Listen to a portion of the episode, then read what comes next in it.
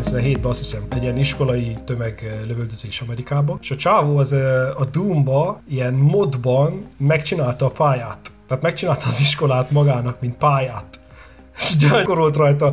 De azt hiszem, hogy statisztikailag ez egy olyan kis rész, hogy az agyadnak munkát ad, az akkora előny, és annyira a probléma megoldó képességed annyit fog fejlődni, hogy ez valójában felülírja az összes veszélyt. Nehéz ezen, ezen középutat találni. Nehéz, igen. Ez, ez nagyon érdekes kérdés. Még nem nőtt fel egy generáció, ahol lehetne tesztelni, hogy ennek milyen hatása volt. Kelet-Európában, amikor mi nőttünk fel, akkor még nem volt, nem volt még annyira elérhetőek a játékok. Igen, igen, mert egy, egy tíz éven le vagyunk maradva. A játékoknak mi a veszélye, vagy milyen hatása van a gyerekekre, akkor már gondolhatsz arra, hogy a játék azért mégiscsak egy aktív szórakozás. Szerintem sokkal veszélyesebb mondjuk például az, hogy sorozatok meg rajzfilmek végtelen mennyiségben elérhetők, mert az, az meg egy nagyon passzív, addiktív, a játék is addiktív, de legalább, hogy fejleszti a képességeidet. Ez szerintem egy szuper szemszög, ez, ezt nagyon jól megfogtad, mert én nagyon szerettem a, a Halo játékot. Az a Microsoftnak egy lövöldözős játéka, és abba az volt az egyik karakterisztika, hogy ilyen nagyon hosszú, eh, nem tudom a cutscene hogy mondják magyarul, ki kéne találjunk valamit, ilyen vágó, vágó videók, tehát ilyen összekötő, részeket összekötő videók, nagyon hosszúak voltak benne. Van egy csomó olyan videó ah. a Youtube-on, hogy ezek, csak ezek a cutscene össze vannak vágva egy ilyen négy órás filmbe. Tehát valójában játék nekem, főleg az ilyen szépen megtervezett világok, olyan volt, mint egy film. Hát volt egy kicsi interakció benne, de valójában egy film volt. Melyik volt az első játék, amivel játszottál? Ha emlékszel rá. Nem tudom, te. Azt hiszem a Prince of Persia talán. Azt hiszem nekem is a Prince of Persia volt, de nagyon közel volt hozzá a, a Wolfenstein. Az eredeti Wolfenstein, az a zöld ajtós. Igen, igen. Ha emlékszel rá. Igen. Azt hiszem az volt a Doomnak az elődje. És az nagyon tetszett, tehát a Doom az, az szerintem Nekem egy olyan teóriám van, hogy amiből ilyen, ilyen legacy szintű dolog lesz, az biztos, hogy valamiért van, nem csak úgy felkapják az emberek, úgyhogy annyira jól meg kellett legyen csinálva, hogy nyomot hagyjon, hogy biztos, hogy nagyon tetszett az, hogy gyors volt a gameplay. Annyira más volt az akkori, az olyan nehez, nehézkes volt például a Prince of Persia-ban, és olyan nehézkes a mozgás, meg minden olyan darabos volt, csak akkor hirtelen ott volt a Doom, lehetett az, hogy három dimenzióban lehetett menni, lehetett kaszabolni, gyorsan lehetett menni. Igen, ott nagy technológiai ötleteket vittek bele, tehát akik csinálták a Doomot, nagyon jó mérnökök voltak, és egy csomó mindent feltaláltak, vagy kitaláltak, uh-huh. hogy hogy lehet, hogy lehet leprogramozni hatékonyan a 3D-s grafikát és egy csomót dolgoztak ezen, és mindig, mindegyik ilyen Doomnál ez volt a nagy dolog, hogy igazából ők írták meg az első ilyen játék motorokat, az ilyen engine-eket. Ők találták fel, azelőtt nem volt ilyen, és akkor persze, hogy hatalmas siker lett, plusz egy jó csapat is volt, akik hát tudták, hogy kell izgalmas játékot csinálni. Sokáig csend volt. Kijött a Doom 1-2-3, sőt 1-2, aztán kis szünettel a 3-as, és akkor ilyen tizenvalahány évig csend volt, akik csinálták utána a cég, ahogy mondtad, hogy kioszta az 1-2-3-at, de utána így kifogytak a szuszból, hogy jöttek más játékok, ahol több hangsúly volt a történetem, vagy már mások is kezdték használni ezeket az engine-eket, és akkor utána már nem tudtak nagyot újítani. Akkor két a Doom 2016, 15-ben bemutatták, és amikor a, a Doom Guy elővette a láncfűrészt, kész. A közösség az megvadult, mindenki kezdett őrjöngeni. Nagy volt. Azt hiszem, hogy egy hasonló lépés volt, ilyen mérföldkő volt a Half-Life.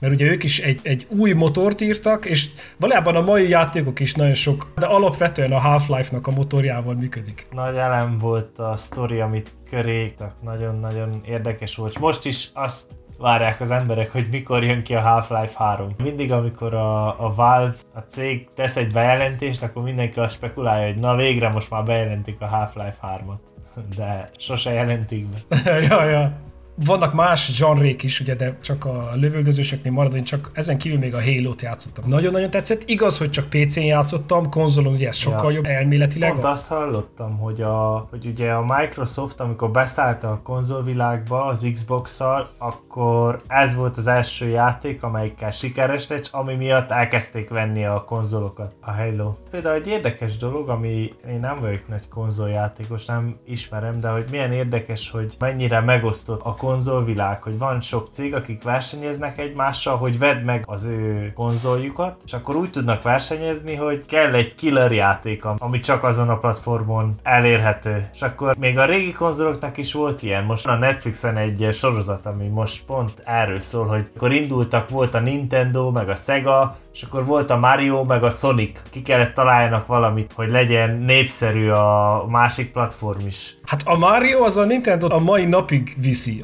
Igen, itt játékos epizódban nem lehet elmenni annélkül, hogy a Mario-t nem megemlítsük. Még a mai napig vannak ilyen exkluzivitás dílek, hogy csak az egyik platformon elérhető a játék, és még később se veheted meg másik platformon, tehát hogy hozzá köt a platformhoz. Ami így e- elég fura, ezt így friss szemmel ránézel, így elég fura, hogy valakik megírnak egy szoftvert, hát azt tudna futni bármin. Miért kell én megvegyem az Xboxot, hogy azon játszhassak? Miért nem fizethetek a játékért, és egy másik platformon használjam? Mondjuk ennek 20 éve volt relevanciája, mert most ugye a hardware az annyira kiforrott, hogy viszonylag egyszerű replikálni ugyanazt a teljesítményt különböző hardvereken, de 20 éve azért hmm a konzol az ki volt hegyezve a grafikus feldolgozásra. Maga a PC vagy a különböző Ez... konzolok, tehát sokkal nagyobb volt a, a szoftvernek és a hardvernek a kézbe-kézbe való előrehaladása, és több volt az útvonal szerintem. Á, ez igaz. Régebb tényleg úgy volt, hogy a szoftvert kellett optimalizálni arra a hardware és nem tudott volna futni egy másik hardware vagy kellett volna egy másik verziót írni, átportolni. Ugye biztos most is kell portolni, de Szerintem most már ez nem lenne ennek nagy technikai akadálya. Inkább gazdasági akadálya van. Hát de pont erről szólna akkor a mai epizód, amiről még nem beszéltünk, a cloud gaming, a felhőjátszás, hogy nem kell platform, nem kell sem, Igen, csak böngészők. Valóját. Elég bénán hangzik. hangzik. Maga ez a felhő alapú játszás, ez arról szólna akkor, hogy ugyanúgy, ahogy neked megvan a PC-d otthon, veszed ezt a PC-t, felteszed a szerverparkba, most már annyira gyors az internet, vagy legalábbis úgy képzelik az emberek, hogy annyira gyors az internet, hogy elég csak a képernyőt streamelni. Magát a játéknak a futtatását, akkor azt végzed a felhőbe.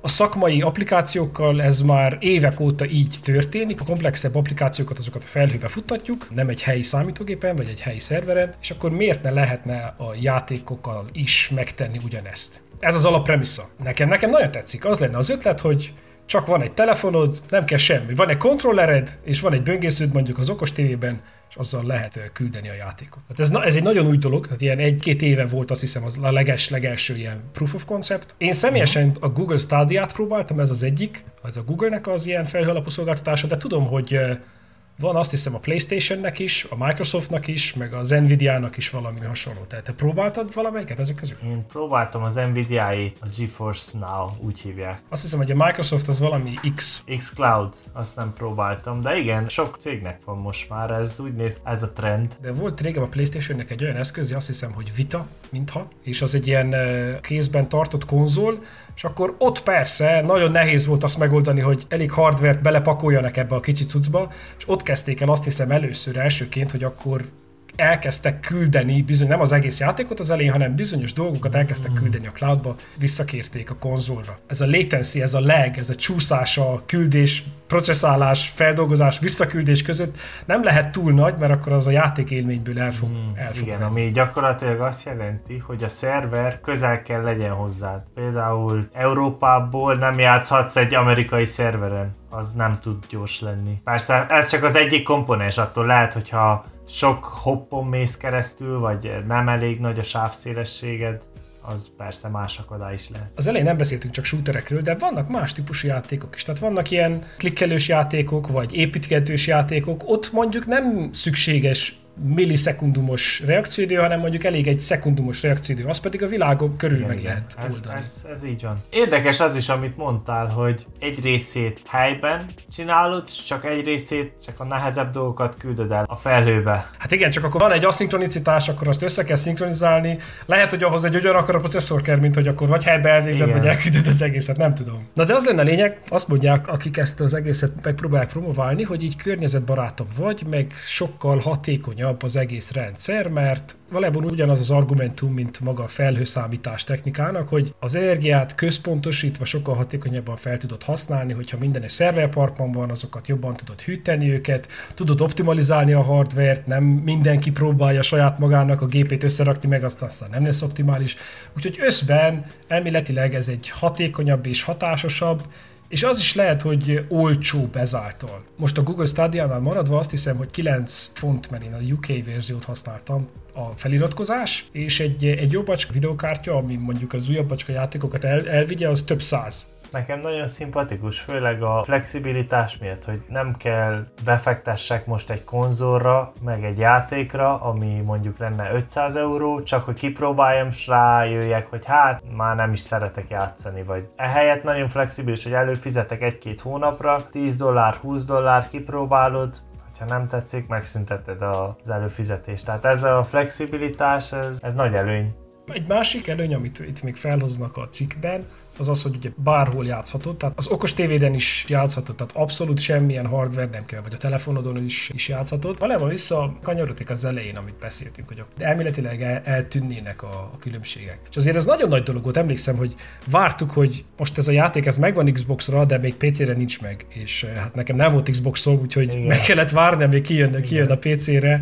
Ezek a dolgok eltűnnének valamilyen szinten, azért azért jó. Igen, mondjuk pont nagyon erre fele tart minden trend, hogy a jövőben ez lesz a trend, viszont nem fogják könnyen adni magukat a konzolgyártók, mert nekik ugye egy csomó pénz van, meg fejlesztés ebbe, úgyhogy pont az egyik volt munkatársam, aki ilyen nagy gamer, ő azt mondta, hogy ő nem hiszi, hogy a cloud gaming fog sikerülni, pont azért, mert a nagy konzolgyártóknak nagy a befolyásuk, és ilyen exkluzív üzleteket kötnek a játékfejlesztőkkel. Ő azt mondta, hogy igazából a játékosoknak mindegy a platform, meg mindegy, hogy mennyit kell fizes. Az a lényeg, hogy te a legjobb játékokon tud játszani. És hogyha a legjobb játék nem lesz meg neked a cloudban, mert a Google vagy a Microsoft nem tudja megkötni azt az üzletet, amit megkötött a, a Sony, akkor nem fognak sikeressé válni. Ez volt az ő érve.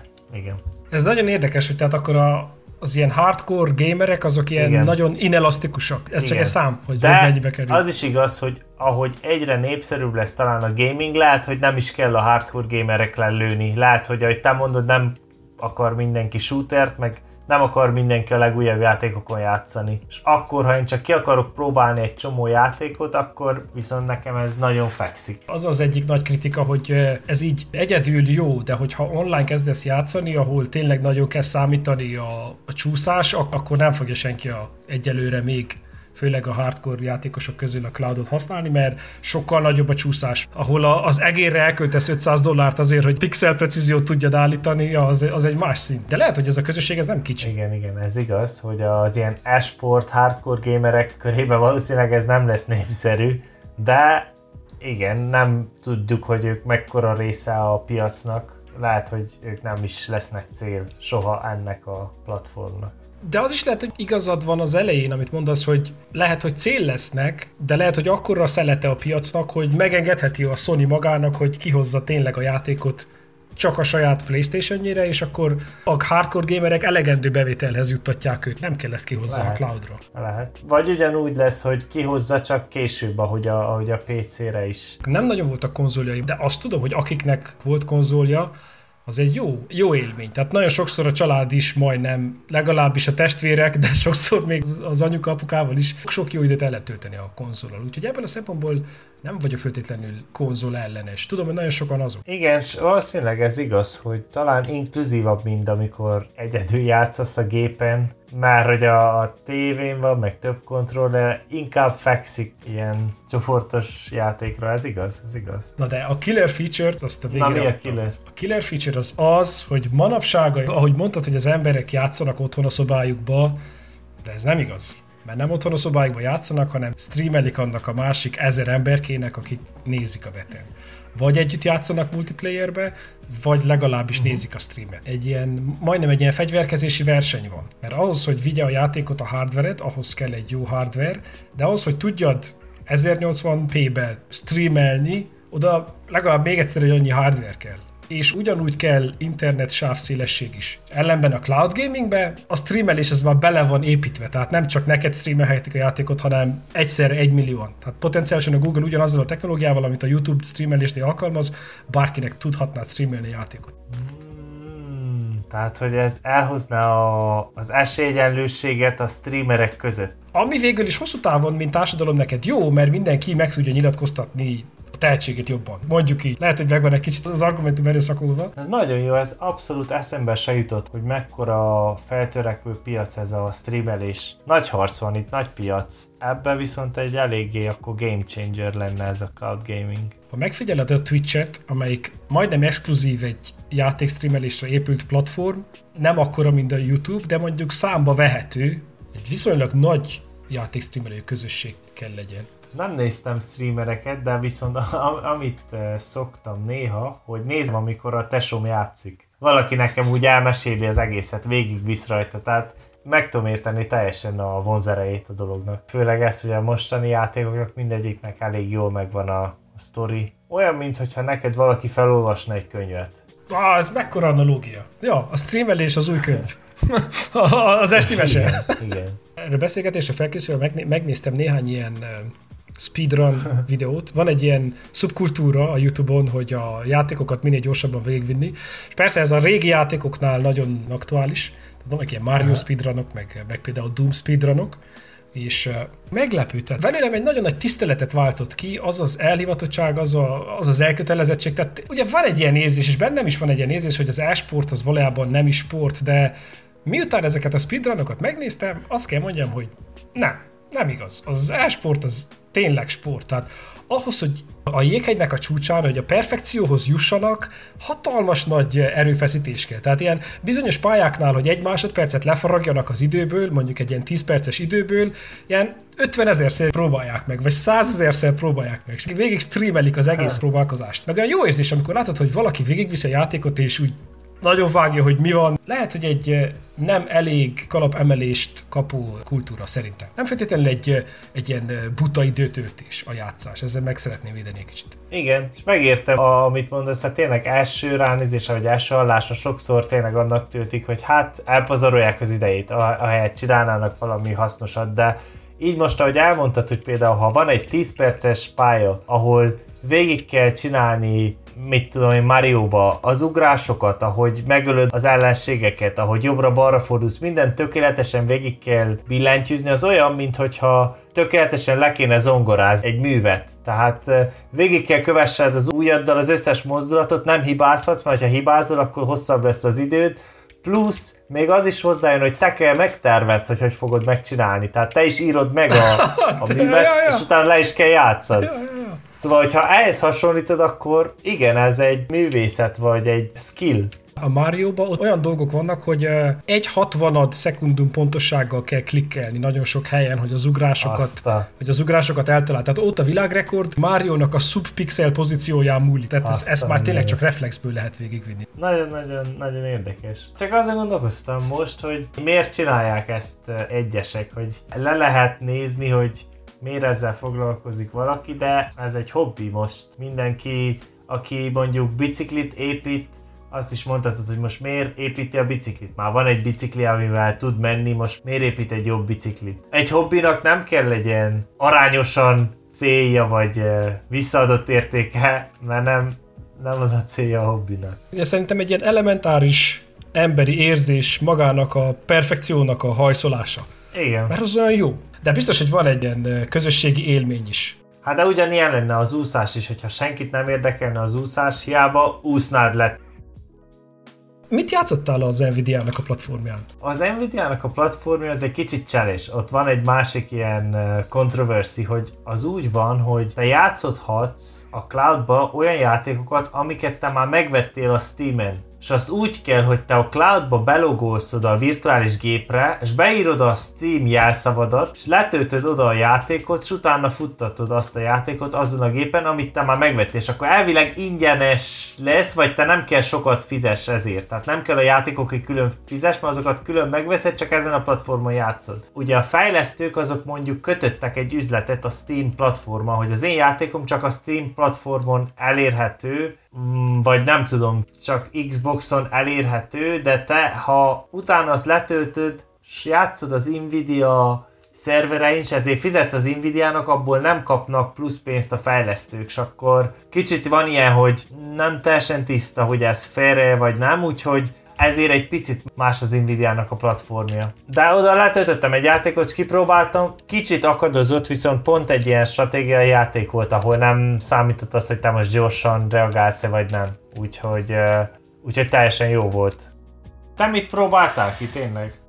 Kipróbáltam egy versenyzős játékot, már nem tudom mi a neve, valójában akkora volt a leg, hogy nem lehetett játszani. Élvezhetően, mondjuk itt nem a legjobb az internet, de próbáltam a telefonomról is. Ben csak annyival volt nagyobb a leg, hogy ne lehessen versenyzős játékot játszani, amikor nagyon pontosan kellett menni az úton. Kicsit, amikor belementem a menübe, szerintem a játékot összerakó fejlesztők egy picit kollaborálnak a Google-lel, és egy picit újra kompilálják. Nincsenek a menüben minden beállítások, tehát nem tudod te például a minőséget változtatni, vagy, vagy, oh. vagy valami hasonló. Tehát automatikusan neked minden be van állítva, valójában csak van egy gomb play, és ennyi. Lehet, hogy a lokális hardverem nem volt eléggé jó ahhoz, hogy 1080p-be élőbe tudja feldolgozni a videót, lehet, nem tudom. Ellenben játszottam egy lövöldözőset is, a 2016-os Doomot, annak ellenére, hogy ott is nagyon fontos a, a leg, mert kell azért nézni, hogy hol, hol szögdítsenek a démonok előtted, az teljesen rendben volt. Valamikor érződik, hogy lelassul, és akkor lekaszabolnak kegyetlenül,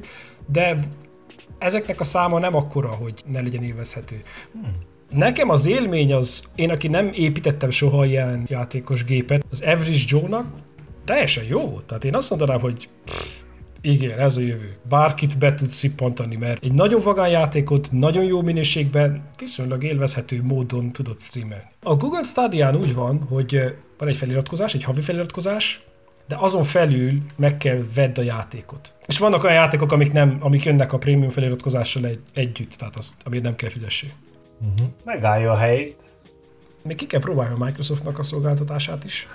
Azt még nem próbáltam, meg ugye a Playstation-t is. Valójában ők az igazi nagy nevek ebben. Igen, igen kíváncsi vagyok, mit hoznak. Azon is gondolkoztam, volt egy ilyen valamilyen szintű boom a GPU-kban. Nagyon sok szerverparkba tettek GPU-kat is. Szerintem azért, mert nagy a hype az AI körül, és azt hitték, hogy mindenki AI fog foglalkozni, és szerint nem akkora kihasználtságuk, mint gondolták, úgyhogy ez kicsit ilyen szerintem kellemes, ha hasznosabb, mert akkor most van, aki a GPU-kat is használja. Olvasok mostanában ilyen cikkeket, persze a gépi tanulásról, és akkor minden cikk azt mondja, hogy jaj, jaj, nagyon kell vigyázni, hogy majd hogy viszed a modelledet te productionbe, hogy hogy fogsz terméket csinálni te a modelledből, hogy az milyen nehéz, és hogy arra fel kell készülni. És igen, nehéz, de nagyon kicsi az esélye, hogy neked legyen egy olyan sikeres modellet, amit milliók fognak hívni naponta. És hogyha csak van egy kicsi modellet, amit egy páran hívnak, azt csak berakod egy dockerbe, és berakod egy virtuális gépre, és ott van neked productionbe.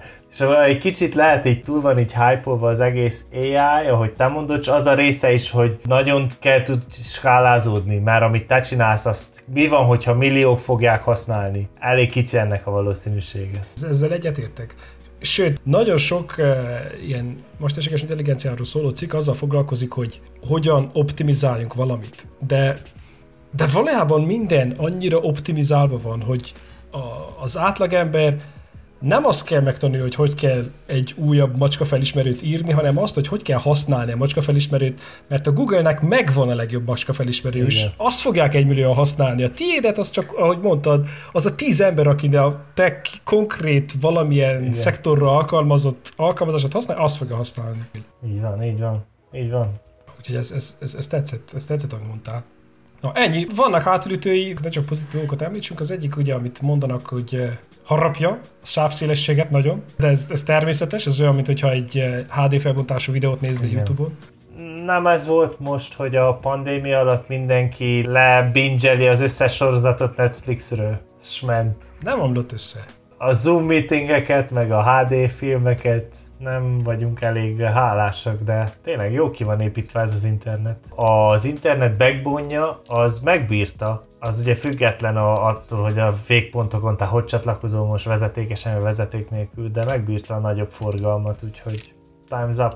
Az a jó terv, vagy az a jó befektetés, vagy a jó ötlet, amikor egy kicsit a jövőbe gondolkozol, és teszel egy fogadást arra, hogy valami úgy lesz. És hogyha most nézed a trendeket, akkor lehet, hogy most még a network az nem olyan gyors, meg a leg az nagy, de elképzelhető, sőt nagyon valószínű, hogy 10 év múlva nagyon zsírú fog menni az összes network, akkor ha te 10 év múlva kezded el a cloud gaminget implementálni, akkor le leszel hagyva már rég. hiába lesz zsírúja network, a fénysebesség az még mindig limitálni fog. Akkor az lesz, hogy a, a világbajnokok oda költöznek a szerverpark mellé. Ilyen nagyon magas bérházak lesznek a szerverpark mellett, ahol zero latency networkodon. De szerintem az lesz, hogy amit mondasz, hogy a tömegek számára ez egy mindenképpen egy, egy olyan élmény, ami eddig nem volt feltétlenül elérhető, és a pro a bicikliknél is van, aki karbon biciklivel megy az országúton, pedig nincs szükség rá. Lesz, aki megveszi majd az új igen. Xbox 24-et, de mindenkinek nem lesz szüksége rá. Igen, igen. Valószínűleg az arány az lehet, hogy át fog állni, hogy több cloud gamer lesz, kevesebb konzol gamer, mert a kevesebb a hardcore azok megmaradnak, de az mindig egy kisebb szelet lesz, hogy így ez egyre népszerűbb lesz. Jelenleg a játszáshoz van egy ilyen nagyon nagy akadály, ilyen belépési akadály, hogy el kell azt a pár száz dollárt költset, hogy megvett a konzolt. Most az nem lesz ott, úgyhogy ez, ez, ez nagyon... Sőt, most tudod, mire gondoltam, hogyha például egy suliba lehetne oktatni úgyhogy mindenki játszik, mert akármilyen rossz gépen, ha jó internet van, tudnál streamelni. Mondjuk lehetne valami ilyen stratégiai játék, ahol megtanulsz logisztikai dolgokat, vagy valami, és akkor az egyik órán az van, hogy mindenki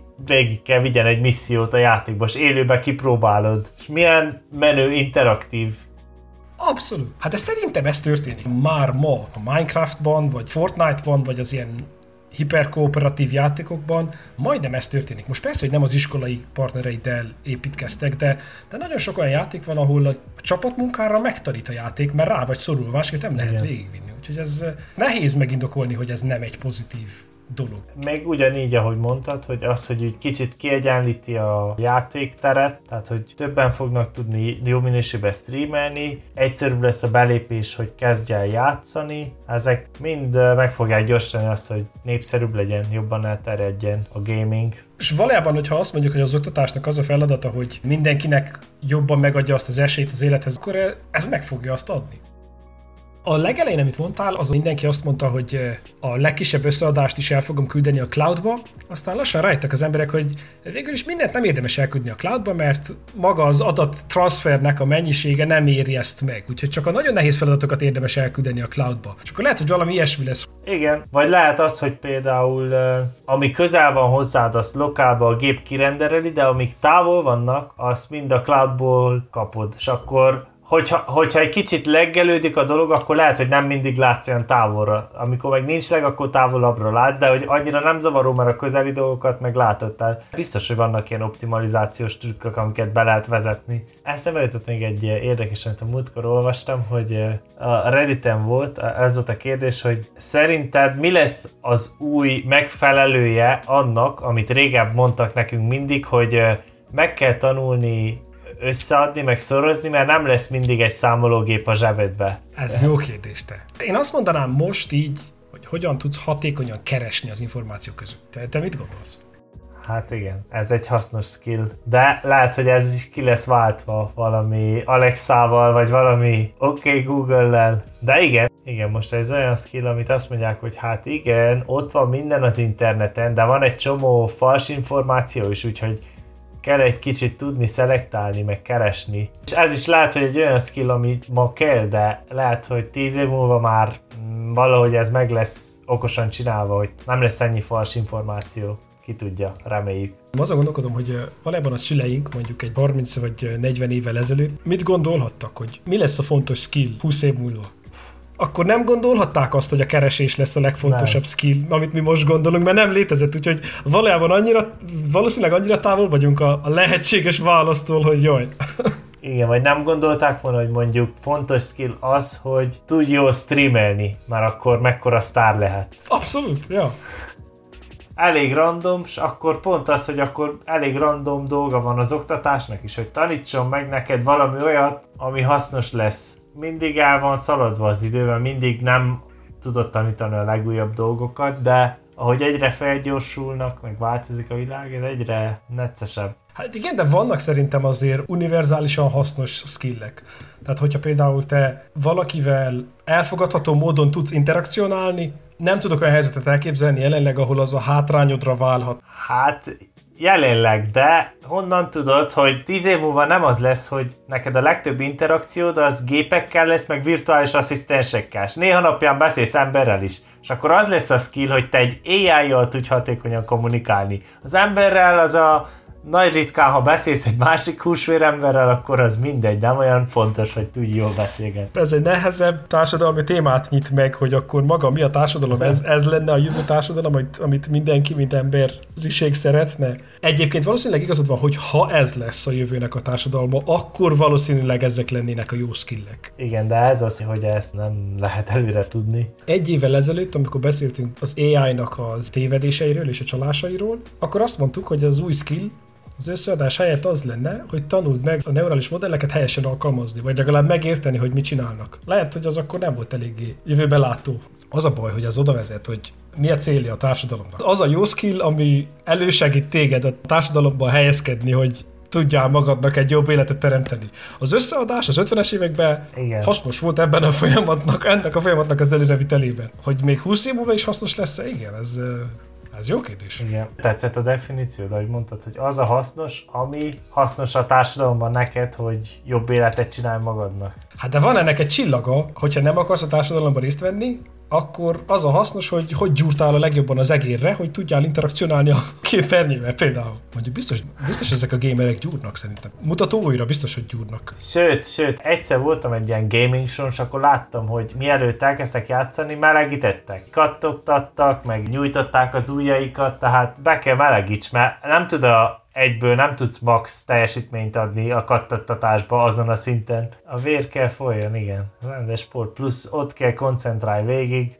Jól esik te. Néha jól esik játszani, mert van egy ilyen, egy ilyen detachment érzés, hogy benne vagy a képzelt világba. És szerintem nagyon sok embernek ez a képzelt világ, ez ilyen nagyon szükséges. Igen, az egyik az, hogy oda el tudsz menekülni. Még amit hallottam az az, hogy általában ugye a való világ nagyon nehéz, nem ilyen egyértelmű. Nem tudod, hogy te mit kell csinálj konkrétan, hogy neked jobb legyen, de a játékban ugye szépen le van egyszerűsítve, és tudod, hogyha ha én többet lövök, vagy nagyobb fegyvert veszek fel, és azzal lövök, jobb lesz, előrébb haladok, és megölöm a boss és megyek a következő szintre, és így szépen tudod, uh-huh. le tudod vezetni, hogy ok-okozat, megérted. Ez ilyen megnyugtató, nem olyan, mint a való világ, ami nagy káosz, és nem tudod, hogy most mit tegyél. Hát egy picit ezzel ellent mondok neked, amikor a, a zongora komponálás hozhat fel. Sokféleképpen lehet egy játékban sikerhez jutni. Persze egy okos játékban. Igen, ez igaz, de attól még le van egyszerűsítve az ilyen okokozati dolog, szóval hogy meg tudod érteni, hogy, hogy mit kell csinálni. Valahol ezt olvastam, hogy ezért tud a játék ilyen menekülő lenni, hogy könnyebb megérteni, könnyebb sikereket elérni. Például nem tudod most, hogy hogy legyél nagyon gazdag a való életben, de egy játékba rá tudsz jönni, hogy mit kell csinálni, hogy gazdag legyél a játékba. Ez nagyon jó szemszög.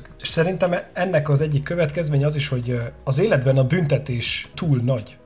Hogyha egy egy rossz folyosón mész le, mm. akkor sokkal nehezebb visszamenni, és a másik ajtón bemenni. És a játékban úgy ez a felfedezési szabadság nagyobb. A való élethez viszonyítva kisebb a költsége a kísérletezgetésnek, az elbukásnak, és akkor ez is egy ilyen megnyugtató, nem annyira durva, mint a valóság. Na de pont ezért azok a gyerkőcök, akik sokat játszanak, vajon nem -e nagyobb eséllyel vállalnak kockázatot, hogy mondjuk indítsanak el egy bizniszt, mert tudják, hogy nem baj, hogy ha most meghalok ezen az úton, kezdem újra. Pszichológiailag szerintem az agyba ez lehet, hogy összeír. Igen, ez lehet nagyon is, hogy felépíti az önbizalmadat, vagy így rájössz, hogy hát igen, nem könnyű, de megpróbáltam három-négy féleképpen, a végén csak eljutottam a végére a játéknak. Akkor lehet, hogy a való életben is, igen, akkor valójában mekkora szerepe van a játékfejlesztőknek, talán még nagyobb, mint a YouTube algoritmusnak, abban, hogy milyen döntéseket preferálnak, vagy milyen döntéseket favorizálnak. Ahogy mondtad, hogy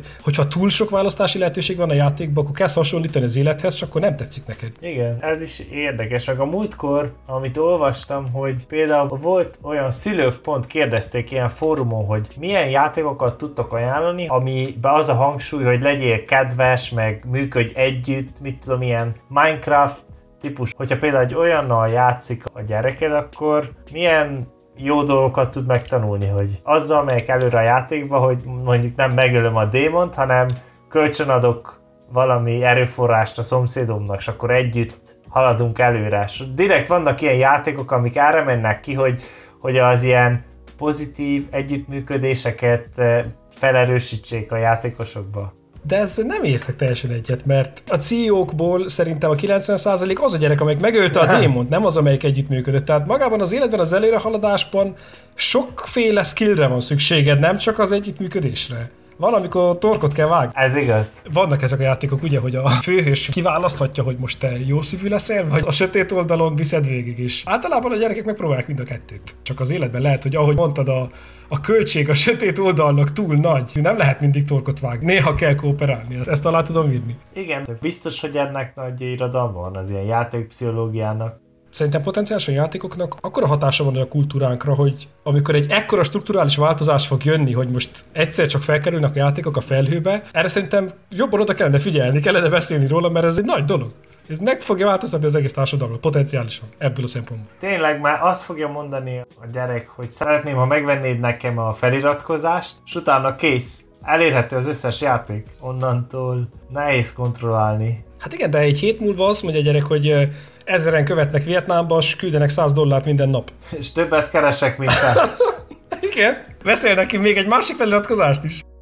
Sokan mondják azt, mondjuk ezt nem tudom, hogy a játék kontextusban mennyire igaz, de fiatalabb youtuberek tinédzser korban, hogyha kezdenek bevételhez jutni, akkor kell ilyesmiről gondolkozzanak, hogy na, most bevételem van ezzel, mit csinálok? Adót kell fizetni, könyvelőt kell tartani, tehát hamarabb kezdenek ezekről a dolgokról gondolkodni, amire egyébként az iskola maximálisan inkompetens, hogy megtanítsa őket, úgyhogy ebből a szempontból ez egy, ez teljesen korrekt dolog. Igen, igen, ez, ez igaz. Hamarabb lesz szükségük ezekre a skillekre, és akkor hamarabb is kialakítják. Persze, ez, ez mind pozitív. Geeks forever, man. Geeks for the win.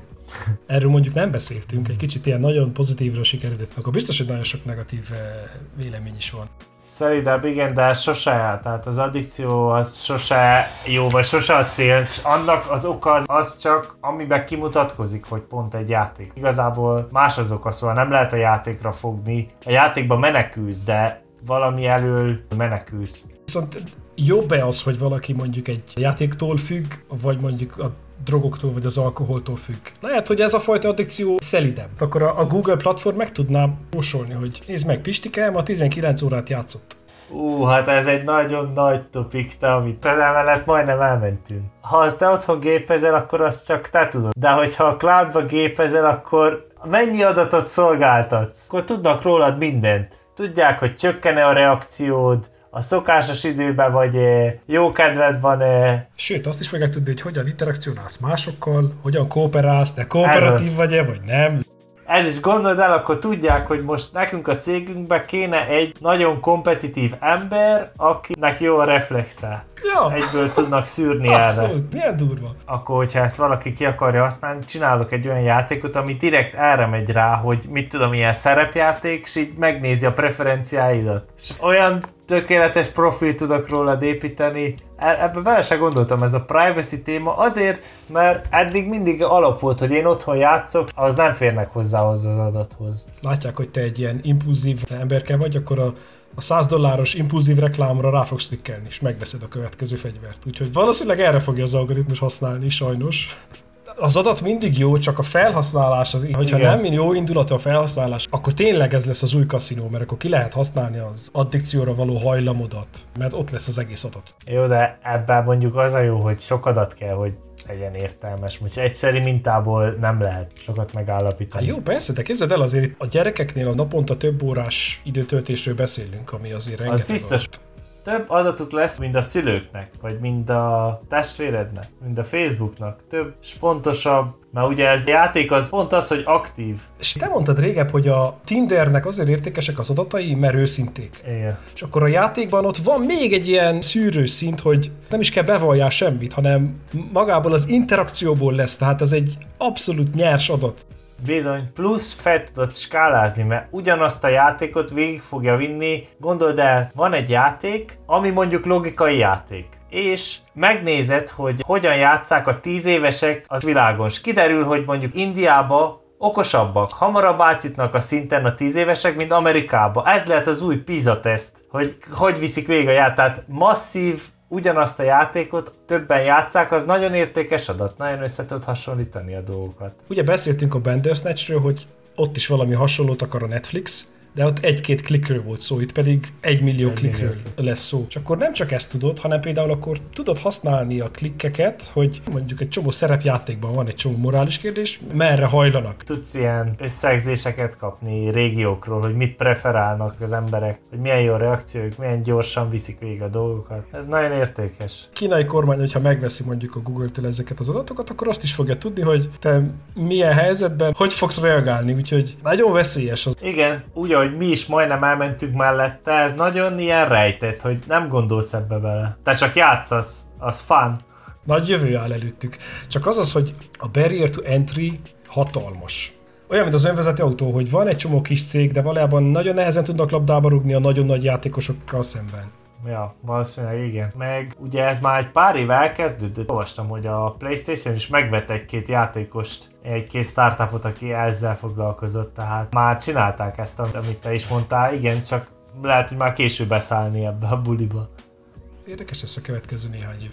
Lehet, hogy felvirágozik a, a játszásnak a, a kora újra. Mint a 90-es évek elején, amikor voltak ezek az arcade mm. Most is lehet. Gondold el, ha egy kocsmába vagy egy internet kávézóba, ott van a feliratkozás, ott van egy gép, és akkor te, amíg ott vagy fogyaszt, azt tudod használni. Az Európai Unió például ugye sokszor túl szokta reagálni ezeket a data privacy dolgokat. Lehet, hogy úgy fogja túlreagálni, hogy kész, EU-ban nem lesz cloud gaming. Jó, persze, biztos meg lehet csinálni, hogy csak oda küldöd a szerverhez, meg a máshol nem küldöd el, csak az mind lelassítja. Minden ilyen biztonsági extra lépés, az csak még tovább lassítja. Akkor, ha top gamer vagy, azt ki fogod kapcsolni, mert neked nem, neked legyen gyors. így van, így van.